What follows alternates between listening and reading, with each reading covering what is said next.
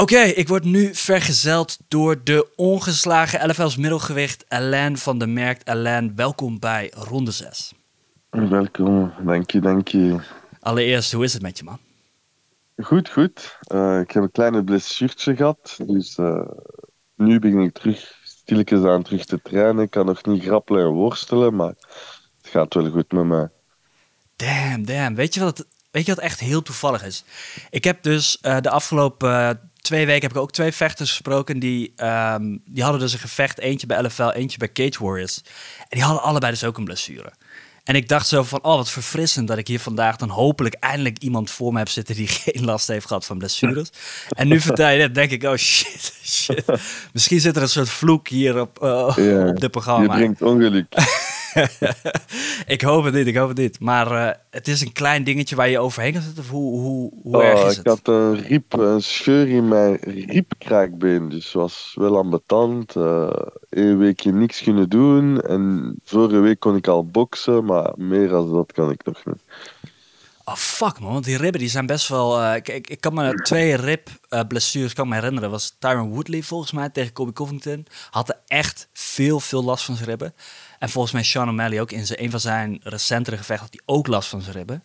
Dat zijn best wel heftige, heftige dingetjes. Maar hoe, hoe ga je daar dan mee om in een, in een trainingskamp? Op het moment dat je zulke tegenslagen tegen, of ja, tegen, misschien kleine, kleine tegenslagen krijgt. Hoe, hoe ga je daar dan mee om? Oh, ja, we zijn het al gewoon. Hè. Ik heb eens uh, drie jaar niet gevochten. Ik denk dat ik met corona, blessures, dit, dat, altijd blessures, dat terugkwamen, niet kunnen vechten daardoor. Dus ja, we zijn het gewoon. Gewoon verder blijven trainen, niet op. Niet. Soms het probleem is, als je geblesseerd bent, wil je, ga je afleiding opzoeken en dat is het moeilijke om geconcentreerd te blijven. Denk jij dat uh, binnen mixed martial arts vechters in trainingskampen vaak te kampen hebben met kleine of grotere blessures, maar dan toch daardoorheen moet. Is dat iets wat, wat, wat normaal is eigenlijk in, in mixed martial arts? Ja, ik denk het wel. Maar ja, er zijn blessures waarmee je gewoon kan verder. Alleen vingers, uh, bijvoorbeeld je bloemcolor, een uh, beetje last van je knie. Kleine dingen, ja, maar sommige dingen kan je echt gewoon niet, kan je echt gewoon niet mee trainen. Nee, want ja, je noemt inderdaad die, die paar voorbeelden. Maar ik kan me voorstellen dat op het moment dat je iets voelt, dat je ook gelijk denkt van, godver ik ben me hier zo aan het voorbereiden op dit gevecht. Ik ben helemaal enthousiast. En dan, ja, dan gebeurt zoiets. En dan, maar goed, aan de andere kant, weet je, jullie zijn harde gasten. Jullie staan in een kooi uh, tegenover een tegenstander die, ja, die helemaal uh, Lazarus door de, door de kooi heen wil slepen. Dus aan de andere kant, ik kan me voorstellen dat jullie mentaal al wel voorbereid zijn op ergere dingen dan dat.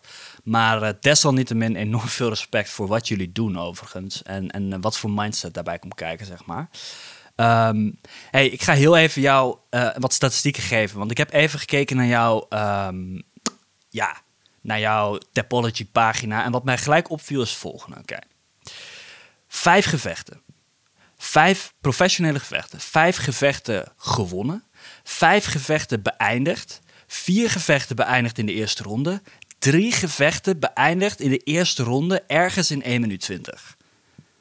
Wat, als je dat zo hoort, wat, wat, wat zegt dat jou over jouw carrière tot nu toe? Een goede vechter, hè? ja, ik, probeer altijd uh, voor de finish te gaan. Natuurlijk, 1 minuut 20 is heel snel. Maar ja, ik, ik, ik tel daar niet op. Ik, ik train gewoon het best mogelijk. Ik probeer het best mogelijk daar in de, in de kooi te staan. En dan, ja, moest het 12 minuten zijn of 1 minuut dus ik probeer gewoon de kamp zo snel mogelijk te eindigen. En geen uh, kwetsures op te nemen in de kamp ook. Dus het is niet zo dat jouw coach op 1 minuut 20 jou een seintje geeft en zegt: Hé, hey, uh, Alain, het is 1 minuut 20. het is tijd om, uh, om aan de slag te gaan. Dat jij dan gewoon een of andere knock-out uit je, puur, uit je ja, ik ga gewoon voor. Uh, ik denk dat het belangrijkste in de fight business, als ik dat zo mag noemen, uh, de show is. En natuurlijk, niemand wil iemand zien dat gewoon punten probeert te pakken. We moeten gewoon finishes maken. Zelfs als je verliest, het belangrijkste is een mooie partij neer te zetten, denk ik. Ja, ja, 100%. En eh, ik denk dat dat jou ook een graag geziene gast maakt bij LFL. Ik heb uh, voor LFL 9 heb ik Donovan ook toe geïnterviewd. En ik, ik vind zijn visie en zijn, zijn uh, motivatie voor uh, mixed martial arts in Nederland vind ik gewoon een hele mooie. Um, wat maakt dat je eigenlijk terug blijft keren naar deze promotie? Hoe, uh, hoe zit dat? Oh, ik ben bij hun getekend. normaal, nu moet ik niet LFL 10 vechten met, door, door mijn blessure, maar normaal krijg ik kans op de middengewichttitel in januari of februari. Maar ja, natuurlijk, uh, het is de mooiste promotie in de Benelux, denk ik. Uh, je hebt de beatdown, European beatdown in België, dat ook niet slecht is. Maar ja, eh, LFL koos voor mij, dus ik koos voor hun. Ja, ja, ik was er dus bij LFL 9 bij. Helaas moesten we toen hals over de kop vanwege de trein, treinverkeer moesten we op het laatste moment. Oh, dat is zo vervelend, jongen. Want de productie zag er echt fantastisch uit. Het zag er echt goed uit. De sfeer was super. Um, dus ik kan me voorstellen dat het inderdaad gewoon een fijne promotie is om, om voor te vechten. Maar hoe ben je eigenlijk, hoe, hoe heb je die band gecreëerd met, met LFL, met Donovan, met, met die gasten, met die matchmakers daar? Hoe, hoe is dat tot stand gekomen? Uh, ik, heb, uh, ik weet niet als jullie weten, er is, ik, mijn laatste amateurpartij is Slim Trabelsi. Die jongen is heel goed bezig in de professional, is vecht nu Bellator, uh, was Ares kampioen. En ik heb die gast verslaan. Die gast heeft denk ik één of twee keer bij LFL gevochten. Maakte iedereen kapot. En dan zei Donovan, die keek naar zijn amateur-tapologie. Die, die zag mijn naam staan en die zei: Hoe de fuck uh, heeft de middleweight een van de beste zwaargewichten van Europa verslaan? En ja, dus dan stuurde mij een berichtje. Uh, toen moest ik normaal vechten op LFL 2, denk ik, of zoiets. Maar ja, uh, toen scheurde ik mijn ligament van mijn voet. Dus niet kunnen vechten. En ja, Donovan bleef achter mij aan en dat vond ik wel fijn. Dus ja, ik dacht, mensen die achter u staan als het niet goed met jou gaat, is het, ja, dat zijn mensen waarmee je moet blijven. Ja, uh, ja, dat denk ik zeker. Ik, ik denk dat je daar ook wel een, een goede band hebt. Maar aan de andere kant, we zien je natuurlijk echt de ene na de andere overwinning binnenhalen. Dus die middelgewichttitel, hey, je noemde dat eerder ook al. Je zei eigenlijk dat dat nu in je, in je uitzicht, hè, in de horizon al aanwezig was. Uh, wat was nu ook weer exact de reden waarom die middelgewichttitel niet, uh, dit keer niet aanwezig was? ja, het probleem is, ik en Tom Brie zijn in dezelfde management. Dus moeilijk om echt tegen elkaar te vechten. Ja, voor is niet interessant om twee uh, vechters van hetzelfde management tegenop elkaar op te nemen. Zeker niet in een organisatie niet zo groot als de UFC of zo. Dus ja, hij had de titel al, dus ja, moest ik wachten. Hè. Hm. Oké, dat klinkt inderdaad best logisch. Tom Breeze heeft overigens in LFL 9 heeft hij, uh, hè, als kopstuk van de avond gevochten en uh, zijn tegenstander toen overwonnen. Toen heeft hij volgens mij de titel of verdedigd of gewonnen. Zijn tweede titel gewonnen volgens mij. Um, ja, hoe zit dat dan eigenlijk? Als jij in zo'n, in zo'n managementbedrijf zit, heb je dan dat je inderdaad. Zitten er veel gasten van je in, in jouw gewichtsklasse in dat management? In, ik denk alleen Tom Breeze. Maar ja, het ding is ook, Tom Breeze is ex-UFC-fighter. Uh, eh, ja, ik zou wel met hem willen vechten, maar dan moeten ze mij wel veel beter betalen.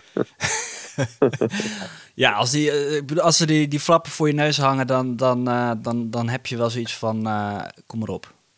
Ja, voilà. Dus, uh, Oké. Is natuurlijk het is de pro-game, dus we moeten betaald worden om te vechten. En ja, natuurlijk. Uh, ze hebben mij bijvoorbeeld PFL Europe gevraagd in 93 kilo, want daar hebben ze niet, geen middenwicht-categorie. daar betaalden ze mij goed, maar ja, dat heb ik niet geaccepteerd, want dat was op 93 kilo. En daar ben ik, ik heb wel op 93 gevochten, maar dat is niet mijn echte gewichtsklasse. En 93 is licht zwaargewicht, toch? Ja.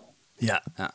Hey, um, dat, is interessant dat je dat zegt, PFL. Um, ehm, want PFL, er, is, er zijn geruchten dat PFL mogelijk Bellator gaat opkopen. Hè? Bellator heeft wel een middelgewicht divisie. Um, Stel dat PFL daar hè, stappen in gaat zetten, dan is het mogelijk dat die middelgewicht divisie toch binnenkomt. En hopelijk kunnen we dan in de toekomst wel uh, eventueel daar veranderingen in ziet komen. Zou dat dan iets zijn waar je oor naar hebt, PFL? Of zijn er andere promoties waar je op dit moment uh, naar zit te kijken? Mijn droom blijft toch Ultimate Fighting Championship. Want okay, PFL betaalt wel goed. Uh, maar ja, je wordt geen ster. Uh, Sadi Boussi, ik weet niet als jullie die kennen, zweet, monster van een gast in 77 kilo. Uh, vecht nu de finale van het PFL-tournament, was vorig jaar kampioen, heeft 1 miljoen betaald geweest. Maar ja, op Instagram heeft hij 50k volgers. Dat is, dat is niks. Ik, vind, geld is goed, maar ja, uh, ik weet niet hoe dat zegt, uh, reconnaissance in Frans. Dat, dat de mensen je echt zeggen van, wauw, jij bent het. Dat is ook belangrijk. En dat, dat denk ik dat bij UFC veel, veel groter is. Er zijn Bellator-kampioenen met uh, Johnny Ebble, monster van een gast. die tegen Gegard heeft gewonnen. Ja. die heeft denk ik 25k volgers op Instagram. Ja, je bent Bellator-kampioen. Ja, je bent misschien, misschien miljonair, maar ja, wie kijkt er naar jou? Ja, dus voor jou is dat stukje erkenning is ook belangrijk, misschien wel belangrijker dan, dan het geld. Ja, inderdaad. En is dat dan de erkenning om de beste te zijn, of is, er, is het meer dan dat? Nee, echt erkenning om de beste te zijn. Ik denk echt, mijn droom is een van de sterkste ter wereld te worden. En dat als je PFL-kampioen bent, dan de mensen, ja, je bent PFL-kampioen, maar je bent niet de wereldkampioen. Ik denk dat nog altijd UFC zo hoog staat dat de enigste echte baddest man on the planet, dat is de kampioen in UFC. Dat is nu Shane Strickland. ja, ja, ja. Het, is natuurlijk het opvallende aan Strickland is natuurlijk dat die man naast het feit dat hij de kampioen heeft overwonnen in zijn meest recente gevecht, is het natuurlijk ook echt iemand die op wat voor manier dan ook enorm veel ogen naar zijn Instagram of naar zijn interviews trekt. En hoe beeld jij dat in? Zeg maar, ik, ik, ik vind jou een hele charismatische gast. Maar Sean Strickland heeft bijvoorbeeld het feit dat hij eigenlijk elke groep in de wereld zo ongeveer beledigd heeft, heeft, heeft ermee te maken dat iedereen natuurlijk ook blijft kijken. En ik kan me voorstellen dat dat ook niet per se iets is wat elke vechter ziet zitten. Van joh, ga ik nou iedereen mijn vijand maken en op die manier ervoor zorgen dat ik allemaal volgers aantrek? Of ga ik iets anders. Wat, wat zou jouw strategie dan zijn om, om, om oh, zo Ik denk dat de beste strategie is zoals Leon Edwards. Hè. Dus je slaagt iemand zo goed knock-out dat de hele wereld je gewoon volgt. Ik denk dat voordat hij, Oesman, uh, nee, voordat hij met Oesman moest vechten, keek ik naar zijn Instagram-pagina, had hij 100k volgers. Ja. Uh, in heel de building van het gevecht was hem al naar 200k opgelopen. En toen hij ja, headshot dead ja, dan, dan ging hij naar de miljoen. Dus ik denk dat een, een, mooie partij het belangrijkste is. Dat, je, dat er echte partijen zijn, dat je, dat, je, dat je wint en dat je de wereld gewoon naar jou kijkt. En dan je persoonlijkheid, ja, ik wil niet de Colby Covington uithangen of zo om bekend te, te worden. Ik wil niemand nee. ziel verkopen aan, ja. aan, aan, aan, aan, sociale media om gewoon erkenning te krijgen. Dat is zoals meisjes dat, dat hun, hun borsten beginnen te tonen om gewoon volgers te krijgen. Nee, nee, daar doe ik niet mee.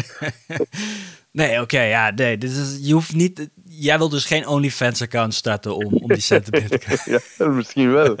Maar uh, niet dat ik mijn uh, in bloot, in. Okay.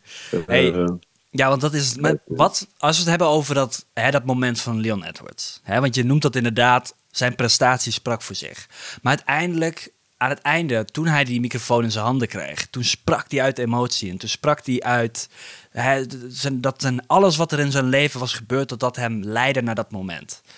Als we dan eens hebben over jouw leven, wat, wat motiveert jou intrinsiek en wat zorgt ervoor dat jij daar met die vurigheid en die passie staat om je tegenstander uit te schakelen binnen die, hè, wat we al hebben gezien, vier gevechten beëindigd in de eerste ronde. Wat, wat drijft jou zo?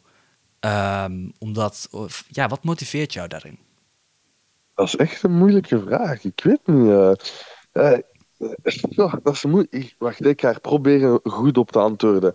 Weet je, als ik in de ring uh, ja, de kooi instap, ben ik eigenlijk altijd bang.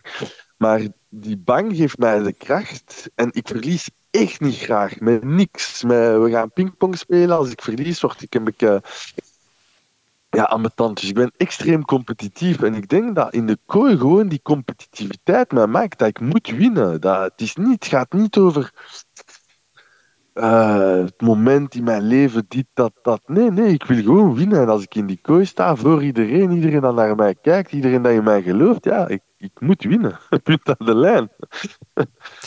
dus, ja, uh... ik, weet je, het punt is, Alain, ik denk als wij in de kooi zouden staan, ik denk dat jij mij compleet, compleet zou opmantelen daar. Maar als we gaan pingpongen, dan, daar sta ik mijn mannetje. Dus misschien moeten we daar gewoon heel eventjes nog even kijken. Want ik wil natuurlijk niet iemand verslaan in pingpongen en dan vervolgens een pingpongbedje naar me over. Dus hoe... Um... Ja, maar moest jij mij verslaan en dan zeg je binnen twee maanden moet, moet je mij terug verslaan, dan misschien dat ik binnen die twee maanden zo hard ga trainen. Want ik ga daar zo hard in mijn hoofd mee zitten, dat ik na twee maanden wel win. En dan denk ik, MMA, dat is mijn passie.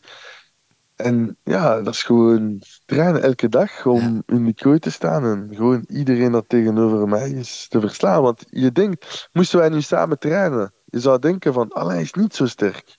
Want ik train gewoon om te leren en niet om iemand te verslaan. Maar op het moment dat in de kooi sta, ja, dan is het een ander verhaal. Ja. ja, want je bent nu ongeslagen. Hoe belangrijk is die nul in, jouw in jouw record op dit moment? Belangrijk. Ik denk dat dat gewoon opbouwen is. Hè. Ik denk als je naar grote promoties wilt, uh, wilt gaan, dan moet je die nul proberen te behouden. Slimme keuzes maken. Het blijft professioneel vechten. Als ik amateur was, nam ik iedereen aan, vocht ik met iedereen. Uh, ja, ben ik ook eens knock-out gegaan. Kan geen kwaad. Maar in pro moet je wel een beetje opletten van ja. Uh, als ze mij nu morgen een 9-0 man. Ja, dat is gewoon. Je krijgt er niet genoeg. Uh, ik win, oké? Wat heb ik gewonnen? Ja, er staat 9-0 op mijn topologie. Uh, maar UFC gaat mij misschien toch niet tekenen. Dus je moet wel slimme keuzes maken. Ik denk dat veel mensen hun carrière kapot hebben gemaakt met. Ja, er zijn mensen dat 0-0 waren. Hun eerste pro-partij gaan ze direct tegen iemand vechten dat 9-0 staat, oké? Je verliest normaal, wat normaal is. Maar ja, je krijgt niks als respect. Je wint, je bent 1-0, je hebt de 9-0 gewonnen, maar het is niet dat je morgen bij de UFC gaat tekenen. Ik denk vanaf dat je 6-0 bent, dan moet je grote partijen beginnen, grote partijen beginnen te nemen. Want dan is er kans dat je met die winst naar een grote organisatie gaat. Ja, ja want wat, wat je bij sommige vechters ziet op het moment dat zij die nul verliezen, dan doet dat echt wat met ze. Hè?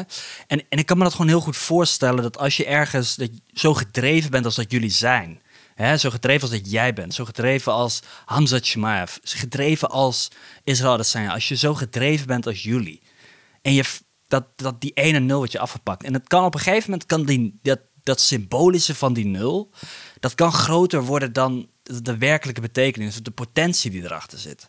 Hoe, ga jij, hoe zorg jij ervoor? Laat ik het zo zeggen. Zou jij je carrière graag willen afsluiten met een nul? Of zou jij ook, net als George St. Pierre, overigens mijn favoriete vechter alle tijden. Ik vind dat persoonlijk de beste vechter alle tijden.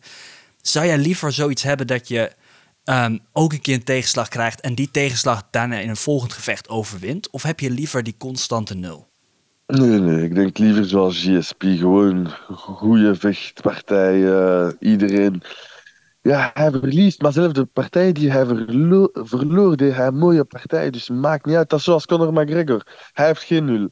Maar elke keer dat je naar een partij van hem kijkt, is het een mooie show. En ik denk dat dat het belangrijkste is. Ik denk dat die nul door Floyd Mayweather een beetje te veel is worden. Ja, geconcentreerd. Oh, hij is onverslagen, oh, hij is onverslagen. Dat doet er niet toe. Je hebt mensen dat, zelf als ze verslaan worden, een knalprestatie neerzetten. Dus doet er niet toe. Nee, nee. Hey, uh, Conor McGregor noemde je. Hè? Heb jij al een, nek, een iconische nek-tatoeage op het oog die je uh, gaat nemen op het moment dat jij uh, op het grote podium staat? nee, nog niet. Nog niet. Oké, okay. we zien je dus niet op LFL 10. Wanneer gaan we jou wel zien, denk jij? Spijtig genoeg zien ze mij niet op LFL 10, maar misschien als main event op LFL 11, hè? hopelijk. Heb jij dan al iemand op het oog die je dan, uh, die, waarvan je wil dat hij tegenover je staat? Nee, echt niet. Ik weet niet. iemand gewoon tekenen, accepteren, dat goed gerankt staat, uh, mooi record, ja, ik weet niet, en gewoon dat aanvaardt om tegen mij te vechten. Welke, laat ik het zo, laat ik het zo dan terugspelen. Welke stijl zou jij, tegen welke stijl zou jij willen testen in, in, in de kooi? Zeg maar, is er een bepaalde stijl waarvan je denkt, oh, ik ben wel geïnteresseerd om te zien wat er zou gebeuren als ik tegenover zo iemand zou staan. Bijvoorbeeld een kickboxer, bijvoorbeeld een, een, een combat sambo specialist of noem het maar op. Oh, ik denk compleet MMA-vechter gewoon, denk ik. Ik denk dat het meeste probleem in Nederland bijvoorbeeld, dat er te veel kickboxers zijn. En ja, vanaf dat je ze op de grond zet of zo, dat ze heel snel uh, tappen of ja, dat ze het niet meer aankunnen. Ja. Want ja, MMA is niet alleen maar één sport, je moet echt alles doen. En dat is het probleem, denk ik, met in Frankrijk, overal zelf. Dat je denkt van, behalve in de UFC dan, maar dat de mensen gewoon op één, één discipline focussen, terwijl ze op alles moeten focussen.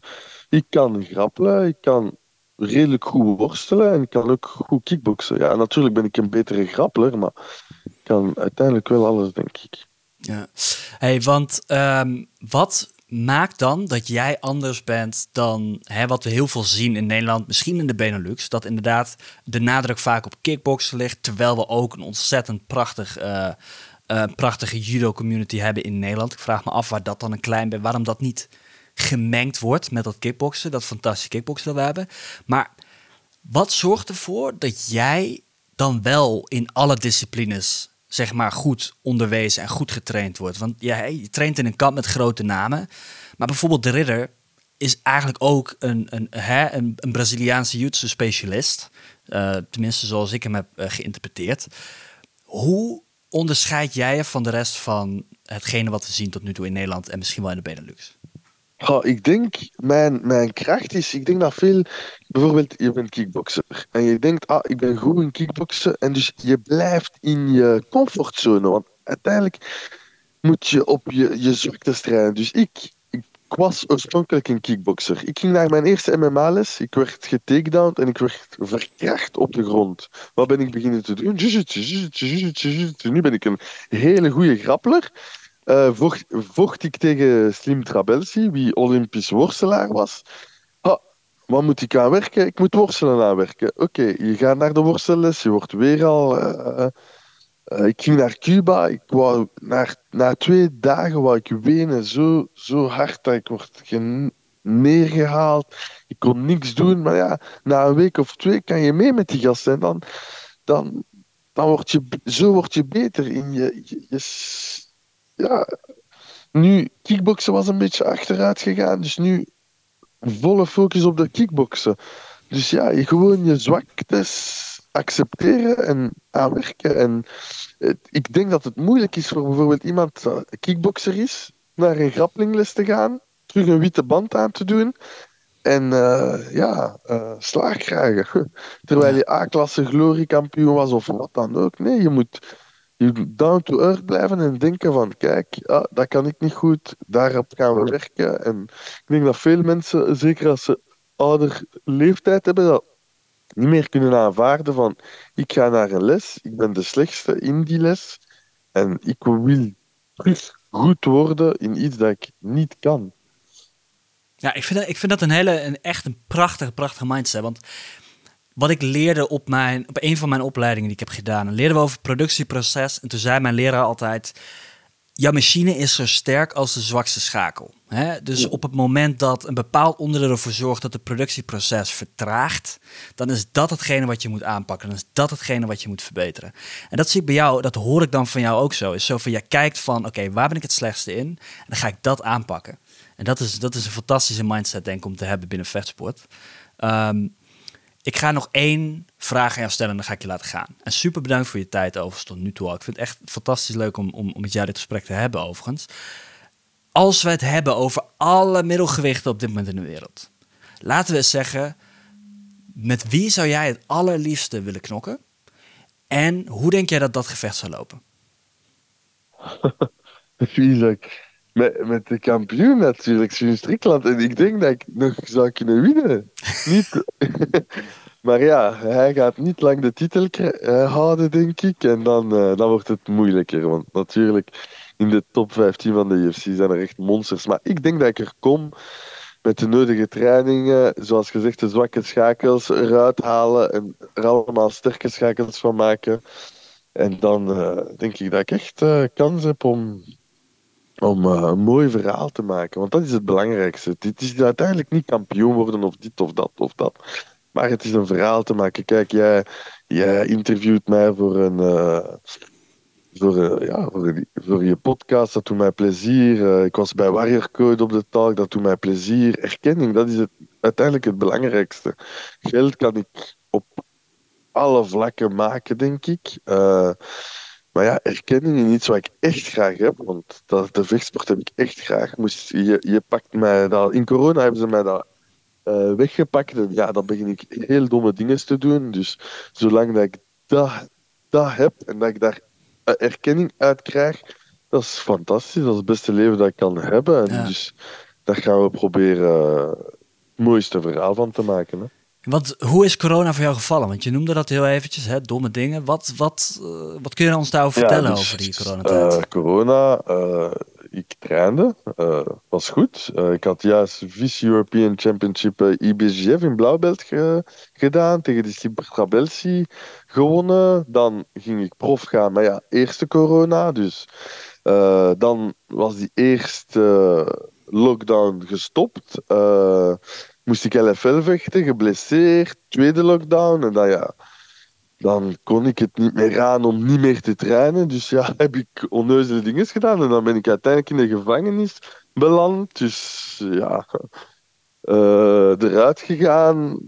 Toen de lockdown stopte, eruit gegaan en terug beginnen te trainen. Niet meer gestopt en vijf overwinningen ja. behaald. Dus ja, zolang dat ik kan trainen, ben ik blij, denk ik. Als ik niet kan trainen, ja, dan, dan kan ik op het slechte pad geraken, denk ik. Dus, ja. uh, want er is niks in mijn leven dat mij zo, uh, zo, ja, uh, ik kan het niet uitleggen, ehm, dat ik zo gedreven maakt als vechtsport.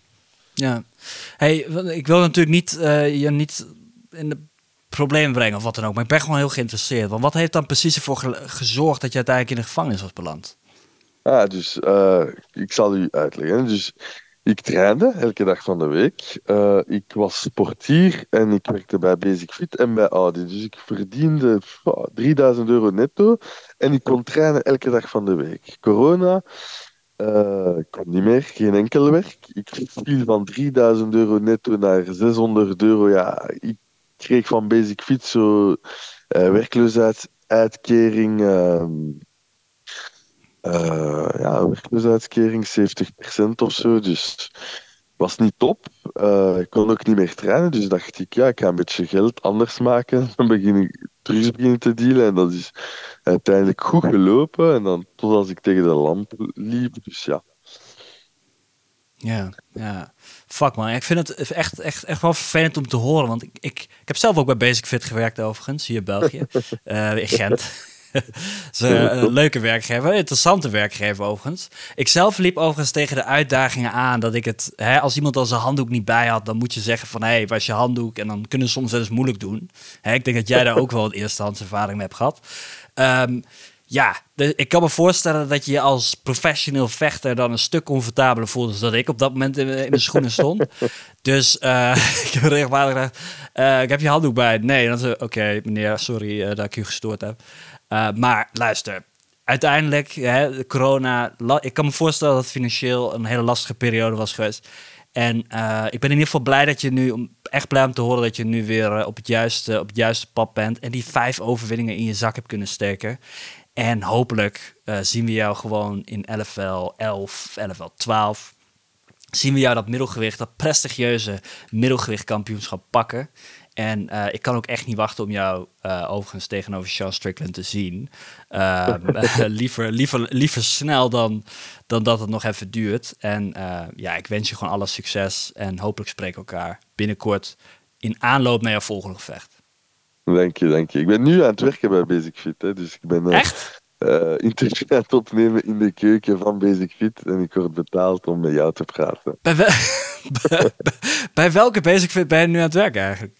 Uh, Overijssen. Ik ben daar uh, gastheer. En dus ja, dat is perfect combineerbaar met mijn sport. Ik wacht, hier drie dagen in de week.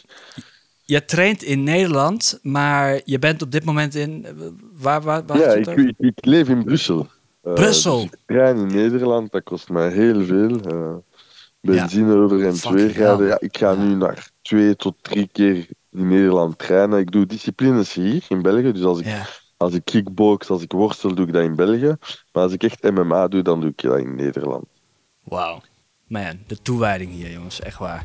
Uh, super om je gesproken te hebben. Ik ga het hierbij afronden. Dankjewel voor jouw tijd.